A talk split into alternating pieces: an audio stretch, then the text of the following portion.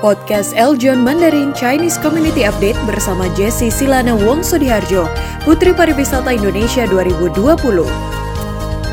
Podcast ini dipersembahkan oleh Eljon Media dan disponsori oleh tabloid mingguan Eljon Mandarin, pertama dan satu-satunya tabloid full berbahasa Mandarin. Selamat mendengarkan. Kembali lagi di Chinese Community Update bersama dengan saya Jessi Silana Wongso di Harjo, di mana Chinese Community Update ini merupakan program yang akan menyajikan informasi dan juga berita komunitas Tionghoa yang ada di Indonesia dan juga perkumpulan marga Tionghoa di Indonesia. Oleh karena itu, kita langsung saja kita akan melihat yaitu informasi yang pertama yaitu dari Batam, di mana di Batam ini ada kakek 102 tahun ikut vaksinasi corona lansia di Batam. PSMTI Kepulauan Riau mengapresiasi tim medis. Paguyuban Sosial Marga Tionghoa Indonesia Kepulauan Riau memberikan penghargaan kepada tenaga medis yang ada di Kota Batam. Penghargaan tersebut dalam bentuk memberikan bantuan alat-alat kelengkapan untuk kebutuhan medis di seluruh puskesmas di Indonesia, bertempat di Golden Crown, Bengkong Laut, Batam, Kepulauan Riau. Ini sebagai wujud apresiasi kepada tim kesehatan dan relawan yang bekerja tidak mengenal lelah. Sesuai dengan arahan Kepala Dinas Kesehatan Batam, PSMTI siap melayani kelompok lanjut usia atau lansia dan sektor pelayanan publik lainnya seperti guru-guru yang ada di Batam, Arsikon, serta KONI. Syukurnya orang tua tersebut sejak divaksin corona hingga saat ini sehat walafiat. Hal ini semakin menambah kepercayaan dari PSMTI Kepulauan Riau untuk mempercepat vaksin corona bersama dengan pemerintah, dalam hal ini bersama dengan Dinas Kesehatan Batam. Sementara itu, Kepala Dinas Kesehatan Batam, Didikus Marjadi, mengatakan pemerintah saat ini membuka peluang bagi organisasi lain untuk membantu memperlancar program pemerintah terkait vaksinasi ini. Didi mengapresiasi PSMTI Kepulauan Riau sebagai pionir kerjasama antara pemerintah dengan komponen masyarakat. Program ini juga merupakan kebijakan dari pemerintah pusat. Dalam vaksinasi ini, pihak pemerintah bekerjasama dengan ormas-ormas atau elemen masyarakat lain demi kelancaran vaksinasi. Ia berpesan kepada masyarakat yang sudah divaksinasi agar tetap mematuhi protokol kesehatan COVID-19 karena vaksinasi ini tidak menjamin 100%, hanya menjamin sekitar 60% saja. Artinya jika ada 10 orang yang sudah divaksin, masih saja ada kemungkinan 4 orang yang bisa tertular COVID-19. Berikut ini adalah berita selengkapnya mengenai kakek 102 tahun yang divaksinasi vaksinasi uh, anti COVID. Ini dia. Pemirsa pemerintah Kota Batam melalui Dinas Kesehatan Kota Batam mulai melakukan vaksinasi COVID-19 kepada 500 warga Batam yang termasuk dalam kategori lanjut usia atau lansia dengan minimal umur 60 tahun. Hal ini merupakan upaya pemerintah Kota Batam untuk memutus penyebaran COVID-19 di Kota Batam. Bersama dengan Yayasan Love and Kindness Charity Group sebagai panitia pelaksanaan vaksinasi ini dilakukan selama dua hari, yakni Rabu dan Kamis 24 dan 25 Maret 2021 dengan jumlah penerima vaksin per hari adalah 250 orang dengan penerapan protokol kesehatan. Tim medis yang bertugas dikerahkan dari empat puskesmas yakni Tanjung Sengkuang, Seilangkai, Lubuk Baja, dan Tiban Baru. Calon penerima vaksin harus memenuhi syarat terlebih dahulu dengan keadaan sehat serta tensi harus di bawah 180. Usai menerima vaksin, para lansia akan menjalani tahapan observasi selama 30 menit sebelum diperkenankan untuk pulang. Selain itu, setelah empat minggu, para lansia ini juga akan menerima vaksin untuk tahapan kedua. Dengan Ibu buat ibu atau bapak buat. Ibu. Jadi kegiatan ini adalah kegiatan dari pemerintah Kota Batam. Kami uh, Love and Kindness, uh, yayasan sosial yang mana uh, kami menawarkan diri kepada pemerintah Kota Batam bahwa kami ingin memberikan kontribusi dalam program uh, vaksinasi lansia ini. Ya, Alhamdulillah uh, tawaran kami diterima dan sehingga kegiatan ini bisa berlangsung untuk hari ini. Jadi kami Love and Kind hanya membantu mendata, ya, kemudian kami memvalidasi data, kami kemudian uh, mengundang ya calon-calon lansia ini kemari, kemudian yang laksanakan itu dari Dinkes. Total berapa Pak lansia ini? Total 500, ya dua hari. Satu hari kita 250 lansia. Oke. Ya, alhamdulillah sekarang sudah dari pagi sudah mulai. Kami satu hari itu tiga sesi, jam 8, jam 11, dan jam 1. Okay. Dan ini sudah masuk sesi kedua. Wina TV Kepri dari Batam mengabarkan. Sobat Eljon, tadi kita sudah mendengarkan berita komunitas Tionghoa yang ada di Indonesia. Sekarang kita akan lihat bersama-sama yaitu berita seputar budaya Tionghoa di Indonesia itu dengan membahas filosofi dan budaya Tionghoa sumpit. Nah, gimana nih para Sobat Eljon? Pasti penasaran ya, bagaimana sih cerita sumpit itu dan kenapa uh, sumpitnya bentuknya seperti itu? Oleh karena itu langsung saja ini dia video selengkapnya. Hari ini kita belajar tentang sumpit. Mengapa, berapa panjang sumpit, mengapa di sini kotak, di sini bulat, dan mengapa harus berdua dan sebagainya. Kita belajar tentang sumpit.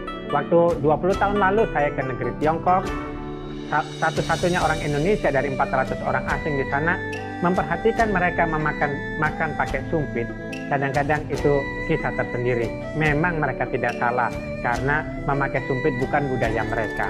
Tetapi sesungguhnya di balik sumpit ini ada banyak hal yang bisa kita pelajari.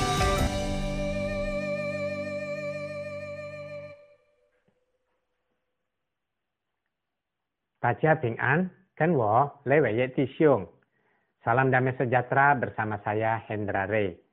Kali ini saya ingin membahas tentang sumpit. Ya, ada sumpit besi. Sekarang ini banyak dipakai oleh orang-orang Korea. Juga ada sumpit dari keramik, ada sumpit dari kayu, dan ada sumpit dari bambu.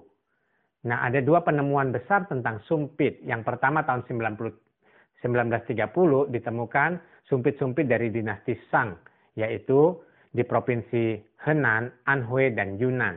Dan yang kedua adalah tahun 1993 sampai 1995 dalam dua tahun itu ditemukan sumpit yang lebih kuno yaitu dari dinasti Xia.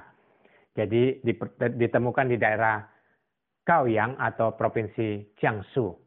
Nah, sumpit ini menurut keyakinan orang Tiongkok pertama kali digunakan oleh seorang pendiri dinasti Xia, Xia Chao de Huangdi, yaitu yang bernama Tayu. Ya, Tayu itu pada waktu musim banjir besar, kira-kira hidup tahun uh, dinasti ini kira-kira dari 2100 sampai 1600 sebelum Masehi. Pada waktu banjir besar, Tayu ini uh, sulit memakan pakai apa. Lalu dia temukan makanan dan dia ambil ranting, lalu dia memakainya dan itu dipakai untuk makan. Jadi orang heran kenapa raja itu makan pakai ranting. Lalu raja itu berkata, Ci bu ke se, se bu cai lai. Artinya manfaatkan waktu sesuatu dengan baik sebab waktu dan sesuatu belum tentu datang yang kedua kali. Nah, mari kita belajar tentang sumpit. Ya. Sumpit ini disebut jeng suang jeng tui. Jeng suang jeng tui. Artinya hidup itu berpasang-pasangan. Hidup itu tidak mungkin sendirian. Kita manusia butuh orang lain dan keberadaan kita dari orang lain hingga kita bisa sampai saat ini, kita ada pun untuk bisa menjadi manfaat bagi orang lain. Jadi melalui filosofi Cheng Shuang Cheng Tui, bagaimana kita bersikap, bagaimana kita berada di tengah orang lain, itu penting kita miliki untuk bisa hidup di dalam dunia ini. Belajarlah untuk tidak gampang menyalahkan orang lain dan belajarlah untuk bisa lebih menghargai orang lain karena kita sampai saat ini dari orang lain dan butuh orang lain. Misalnya, orang tua, guru, dipakai oleh Tuhan sampai kita bisa pada hari ini. Dan kita ada juga untuk orang lain.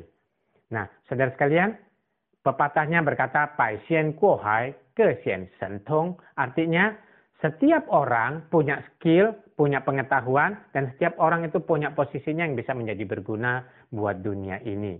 Itu filosofi Cheng Suang Cheng Tue. Itu sebabnya kita perlu hidup bagaimana harmoni di antara orang lain. Yang kedua, sumpit itu kita perhatikan ujung sumpit itu bulat dan belakang sumpit itu kotak. Jadi kotak bulat, kotak bulat. Ya, jadi belakang kotak, depan bulat. Itu disebut juga Tian Yuan Ti Fang. Tian Yuan Ti Fang. Artinya Tian Yuan itu artinya langit. Jadi langit itu bulat, artinya kalau kita mengikut Tuhan, kalau kita itu hidup di dalam dunia, kita perlu tahu bahwa ada Tuhan yang mengendalikan dunia ini. Dan mengikut dia harus secara utuh, secara penuh, secara bulat. Dan hidup di dalam dunia ini, tempat langit mencurahkan berkatnya, itu harus tifang. Artinya hidup di dalam dunia ini harus punya kelapangan hati. Ya, jadi harus punya kelapangan hati. Lalu kita memegang sumpit, waktu kita makan, kita pegang di tengah-tengahnya. Kita makan sumpit seperti ini. Ya, kita makan seperti ini. Nah, kita pegang. Jadi hidup kita itu harus memiliki keseimbangan antara jasmani dan rohani. Jangan kita sibuk mengejar hal-hal duniawi yang menyenangkan kita, memuaskan kita, tapi kita lupa bahwa kita ini memiliki unsur rohani, yaitu bahwa kita ini perlu Tuhan. Atau orang bilang dia adalah orang yang sungguh rohani, tetapi dia malas, dia tidak bekerja, dia tidak berpikir pintar dan tidak bekerja dengan rajin, maka orang ini tidak bisa hidup dengan baik. Jadi filosofi sumpit yang kedua adalah supaya kita ini punya keseimbangan antara hal-hal rohani juga hal-hal yang sifatnya jasmani. Yang ketiga, kita belajar berapa sih panjang sumpit. Kalau kita perhatikan panjang sumpit ini berbeda-beda, saudara. Ya, jadi panjang sumpit ini berbeda-beda. Ya, jadi panjang sumpit berbeda-beda. Tetapi sumpit, menurut filosofi Tionghoa, sumpit itu disebut Ji Chun Liu. Artinya sumpit yang benar, yang memiliki filosofi Tionghoa itu adalah yang 7,6 inci. Kenapa ada 7, kenapa ada 6? Ya, ini mewakili Qi Jing Liu Yu. Qi Jing Liu Yu. Artinya, kita ini mempunyai 7 emosi dan 6 keinginan. Emosi itu berkaitan dengan bagaimana kita bersifat bersikap terhadap orang lain atau memposisikan diri di tengah-tengah orang banyak dan bagaimana Liu Yi adalah bagaimana kita mengatur diri sendiri juga supaya kita tidak menjadi korban atas keinginan kita sendiri. Jadi emosi perlu dijaga dan diri sendiri perlu dijaga. Qi itu disebut adalah disebut si, nu, ai, le, pe, gong, yo. Jadi ada tujuh. Si, nu, ai, le, pe, gong, yo. Si berkaitan dengan sukacita. Hidup perlu sukacita. Nu berkaitan dengan marah. Kalau kita marah, kita harus kontrol, jangan sampai kita benci orangnya. Ya, marah pada waktu yang tepat dan pada kesalahan yang tepat. Yang ketiga, ai. Itu aitong artinya setiap orang pasti punya susah. Kita juga saat satu saat juga susah. Perlu orang lain untuk menghibur kita dan kita juga perlu menjadi orang yang bisa menghibur orang lain. Le itu berkaitan dengan optimis atau lekuan. Jadi di dalam dunia ini kalau kita semua pesimis dan negatif, kita tidak bisa maju. Tetapi kalau kita lekuan, kita bisa lebih maju dan berhasil dalam hidup ini. Tapi kita berada, kita perlu menjadi orang yang membangkitkan lekuan bagi orang lain. Demikian juga orang dipakai oleh Tuhan atau langit untuk membuat kita lekuan. Yang keempat, eh, yang berikutnya adalah P. Jadi susah. Kita ini susah, orang lain susah. Oleh sebab itu penting untuk hidup saling membantu dan saling peduli. Yang keenam itu kong, artinya pa. Setiap manusia punya rasa takut. Oleh sebab itu boleh saling menguatkan dan saling mendorong satu sama lain. Dan yang terakhir yo, yo li, yo yi. Artinya setiap orang punya rasa ragu-ragu. Jadi orang itu bisa saling meneguhkan supaya ayo maju, ayo kita bangkit, jayo. Nah itulah filosofi daripada Cicing. Berikutnya Liu Yi. Liu Yi adalah enam keinginan atau enam nafsu manusia. Enam nafsu manusia itu ada enam. Yang pertama Yen, Yen, A, Pi, Se, Sen, dan I. Artinya keinginan mata. Semua manusia keinginan mata, kepingin lihat yang indah-indah. Oleh sebab itu kita suka jalan-jalan. Kedua, keinginan telinga. Kita suka musik, kita senang dengar hal-hal yang indah bagi telinga. Ketiga, pizza, kita senang yang harum-harum. Ya. Keempat adalah seto, adalah kita senang mengecap. Makanya ada wisata kuliner. Ya, wisata kuliner selama orang suka makan, kuliner tetap bisa jalan baik. Lalu sen, senti, jadi ada keinginan tubuh, keinginan jasmani yang berkaitan dengan kepuasan tubuh kita. Kita dan kesegaran tubuh kita. Ini kita perlu sekali. Yang berikutnya, yang keenam adalah I. II. Jadi kita punya keinginan untuk menjadi berarti, keinginan untuk dihargai. Nah, penting sekali mengontrol keinginan ini supaya tidak merugikan diri kita sendiri. Nah, saudara sekalian, Salah satunya budaya etnis Tionghoa yang paling luhur salah satunya adalah budaya memakai sumpit atau filosofi sumpit. Sumpit adalah salah satu alasan mengapa orang itu mengenal negeri China. Jadi kalau ingat China, ingat etnis Tionghoa, ingat sumpitnya. Dan karena itu yang terakhir kita perlu belajar dari sumpit. Sumpit ini mengingatkan kita, Paurong Ping Xu. Jadi hidup bersama perlu menjaga keharmonisan dan keseimbangan. Dan paurung sin bahwa kita perlu toleran untuk bisa hidup di dalam dunia ini karena tidak semua orang mengerti kita dan kita tidak mungkin bisa mengerti semua orang. Kiranya filosofi sumpit ini bisa menolong kita mengerti tentang budaya Tionghoa. Jadi kalau makan pakai sumpit, ingatlah filosofi sumpit. Xie xie Para sobat Eljon, tadi kita sudah membahas soal sumpit. Jadi para sobat Eljon udah tahu ya kenapa sumpit seperti itu dan bagaimana kisahnya, ceritanya juga bagaimana. Nah oleh karena itu kalau tadi kita sudah membahas sumpit pastinya tidak uh, kurang afdol, kurang cocok ya kalau kita tidak membahas soal makanan. Karena sumpit ini kan sebagai pengganti sendok dan garpu juga. Nah oleh karena itu kita akan membahas mengenai makanan yaitu ada 10 makanan khas China yang wajib kalian coba. Ini dia. Siapa yang suka Chinese food? Ayo ngaku. Yang pastinya aku salah satunya. Nah kali ini aku mau perkenalkan 10 makanan khas Cina yang wajib kamu coba bersama aku Siska, orang Indo yang jago Mandarin.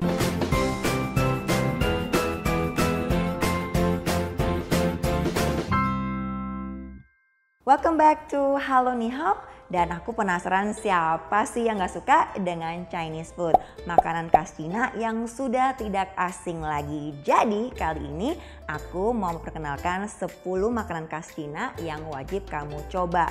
Namun sebelum kita lanjut, tolong dong untuk like video ini dan juga subscribe channel ini untuk belajar bahasa Mandarin dan juga budaya Cina yang seru tentunya. 10 makanan khas Cina yang mau aku perkenalkan hari ini selain rasanya memang enak tentunya harus harus kamu coba dan pesan saat di restoran Cina. Kalau enggak, rugi banget deh.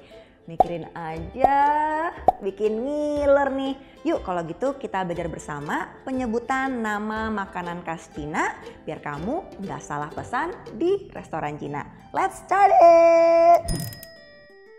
Yang pertama ayam kung pao, yaitu dalam Mandarinnya kung pao jitiang, kung pao jitiang yang secara literal artinya kung pao, nama jabatan di zaman dulu, ci, ayam, dan ting, sesuatu berbentuk dadu. Lahirlah kung pao citing.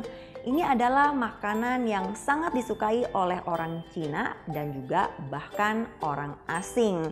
Ini adalah hidangan makanan ayam potong yang berbentuk dadu kemudian dimasak dengan cabai kering, kemudian ada kacang dan juga daun bawang. Rasanya gurih, asam, manis, dan juga sedikit pedas. Yang pastinya semua rasa ada di satu masakan ini. Aku rasa inilah alasannya kenapa ayam kumpau sangat disukai oleh semua orang. Makanan kumpau citing ini berasal dari provinsi Sichuan, tapi hampir semua restoran di Cina ada satu menu ini. Yang pastinya menurut aku bisa dibilang ini adalah makanan rakyat yang biasanya juga selalu dibuat dengan enak. Jadi aku saranin kalau kamu pertama kali mau coba makanan Cina, ini mungkin adalah pilihan yang paling aman untuk dipilih pertama kali saat kamu mau coba makanan Cina yang otentik. Kedua, telur tomat. Si hong shi chao ji dan. Si hong shi chao ji dan. Yang artinya si hong shi tomat, chao oseng, jidan telur ayam. Nah makanan ini walaupun sangat simple hanya telur orak-arik yang dimasak dengan tomat dan juga sedikit bawang putih tapi rasanya enak banget. Gak ngerti kenapa bisa seenak itu. Yang pasti si Hong Shi Chao Jidan adalah masakan rumah yang sepertinya semua restoran di Cina pada bisa buat. Jadi aku kasih tips saat kamu sedang jalan-jalan di Cina pada saat masakan lokal tidak mendukung misalnya rasanya Hmm, nggak enak ataupun kurang cocok dengan lidah kamu, kamu bisa pergi ke restoran untuk pesan si Hong Shi Chao Jidan Telur tomat ini yang pasti dijamin pasti enak. Yang menurut aku adalah makanan penyelamat saat jalan-jalan di Cina. Ketiga, tahu mapo. Dalam Mandarin ya, disebut mapo tofu. Ma po tofu yang secara literal artinya mapo nama orang tofu tahu.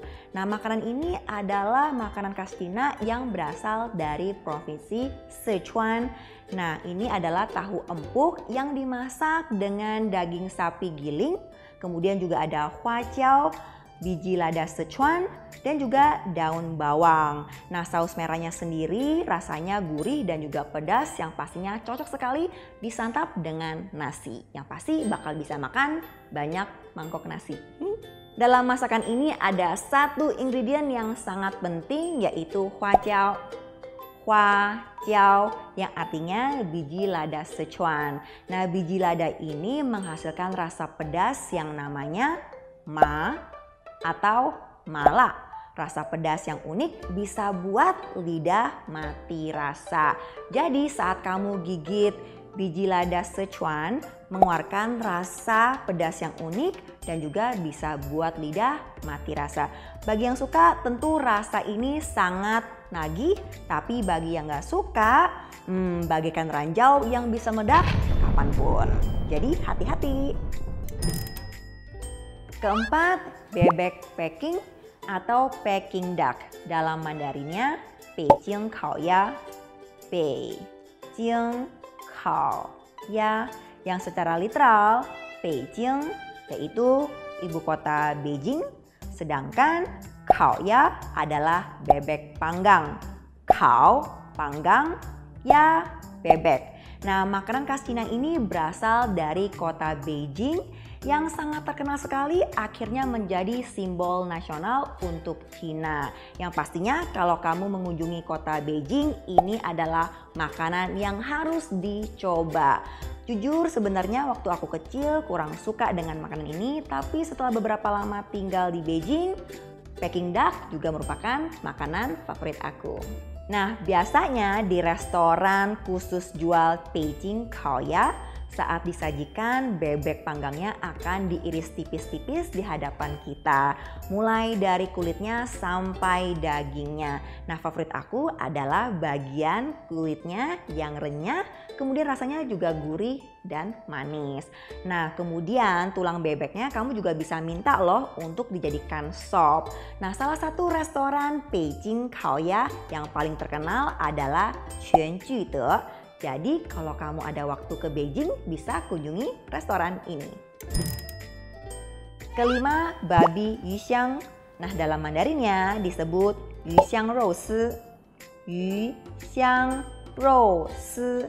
Yang secara literal, yuxiang, yu ikan, xiang wangi. Namun gak ada hubungan dengan ikan ya.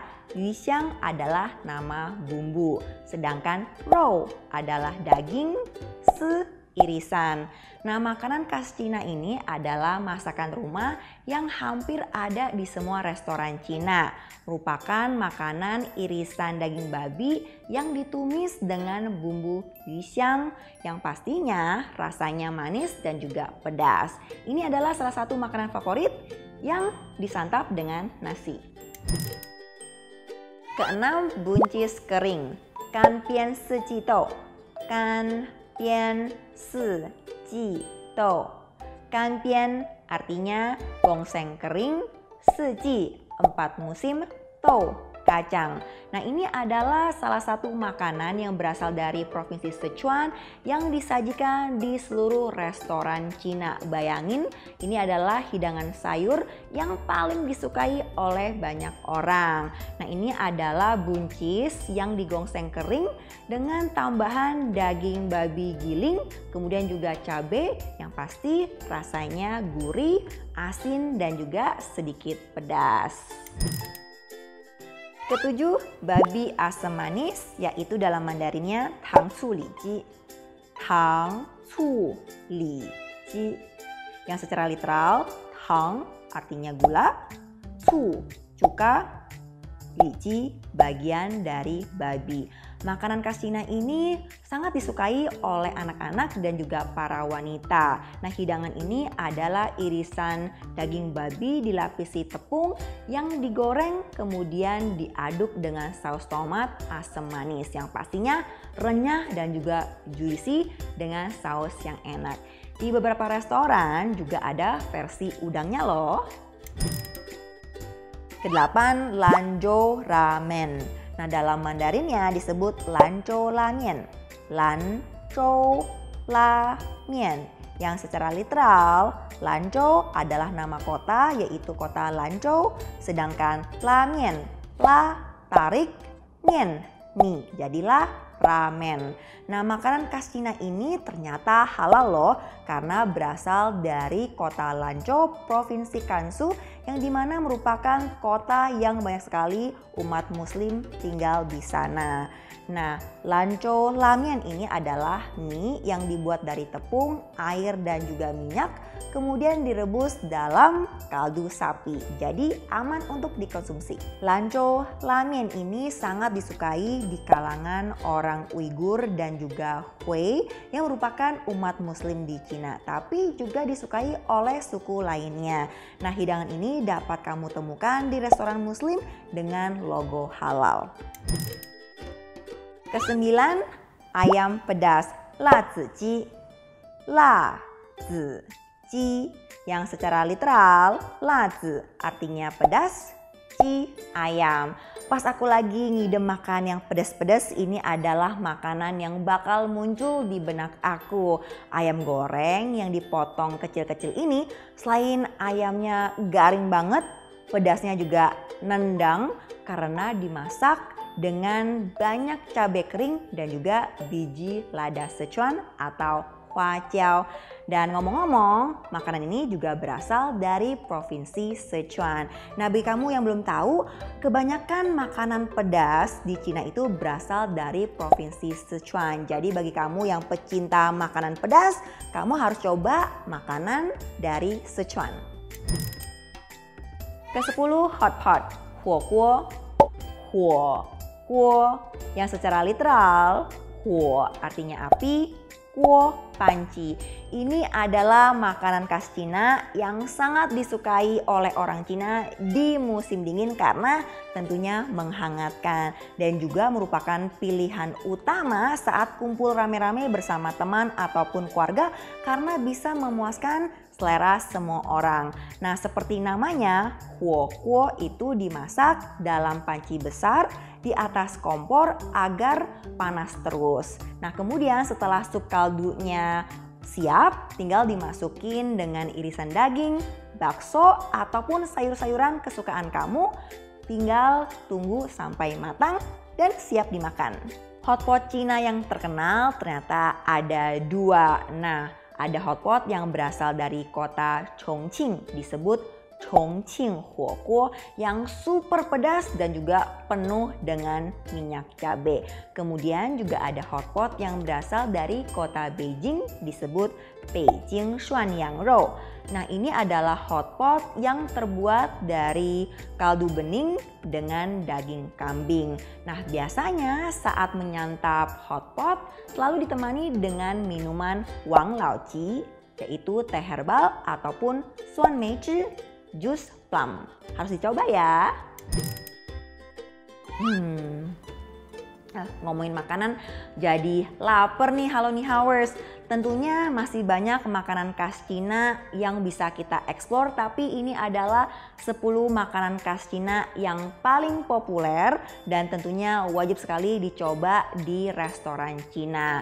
Nah, kalau bisa mau coba yang otentik harus langsung coba di Cina ya. Semoga kamu suka dengan materi pembelajaran hari ini dan tinggalkan komen di bawah ini makanan khas Cina apa yang pernah kamu coba. Dan kasih thumbs up dan juga share ke teman-teman kalau kamu suka dengan video kali ini. Dan juga jangan lupa subscribe channel ini dan juga hit the bell untuk dapatkan video terbaru dari Halo Nihao setiap hari Selasa dan juga Jumat pukul 8 malam. Dan kamu sekarang juga bisa ikutin akun Instagram halo.nihao.id dan untuk konten berikutnya aku sudah siapin makanan halal apa saja yang ada di Cina. Tentunya bakal seru untuk dieksplor bersama. Kalau gitu sampai jumpa. Xia Chinese Community Update masih akan membahas seputar budaya Tionghoa di Indonesia yaitu ada sumpit, ada makanan dan nanti selanjutnya akan membahas soal apa ya? Pastinya masih membahas soal makanan juga. Nah, oleh karena itu pastinya juga para sobat Ejo penasaran ya pengen tahu kok banyak sekali makanan Chinese food yang bertebaran di seluruh pelosok Indonesia. Nah, oleh karena itu langsung saja nanti Jessica akan putarkan tapi setelah pesan-pesan berikut ini tetap di Chinese Community Update Eljon TV. Sahabat Eljon, di mana pun Anda berada, Anda sedang menonton program Chinese Community Update. Jangan ke mana-mana, kami segera akan kembali untuk segmen berikutnya.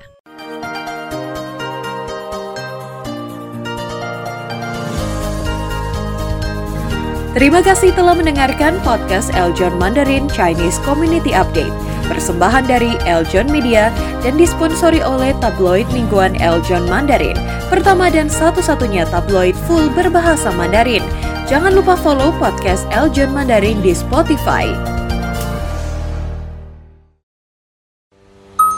Tabloid mingguan Eljon Mandarin pertama dan satu-satunya tabloid full berbahasa Mandarin yang terbit setiap hari Jumat pagi dengan fokus pembahasan seputar pariwisata, budaya Tionghoa, asal-usul marga, pengobatan tradisional obat-obat Tionghoa yang terkenal mujarab, dapatkan hanya di tabloid mingguan Eljon Mandarin. Tabloid mingguan Eljon Mandarin terbit setiap hari Jumat dalam versi cetak dan digital. Untuk berlangganan, kerjasama, dan pemasangan iklan, hubungi nomor berikut ini 0813 1838 5888. Download sekarang juga aplikasi Eljon Media di Play Store dan App Store.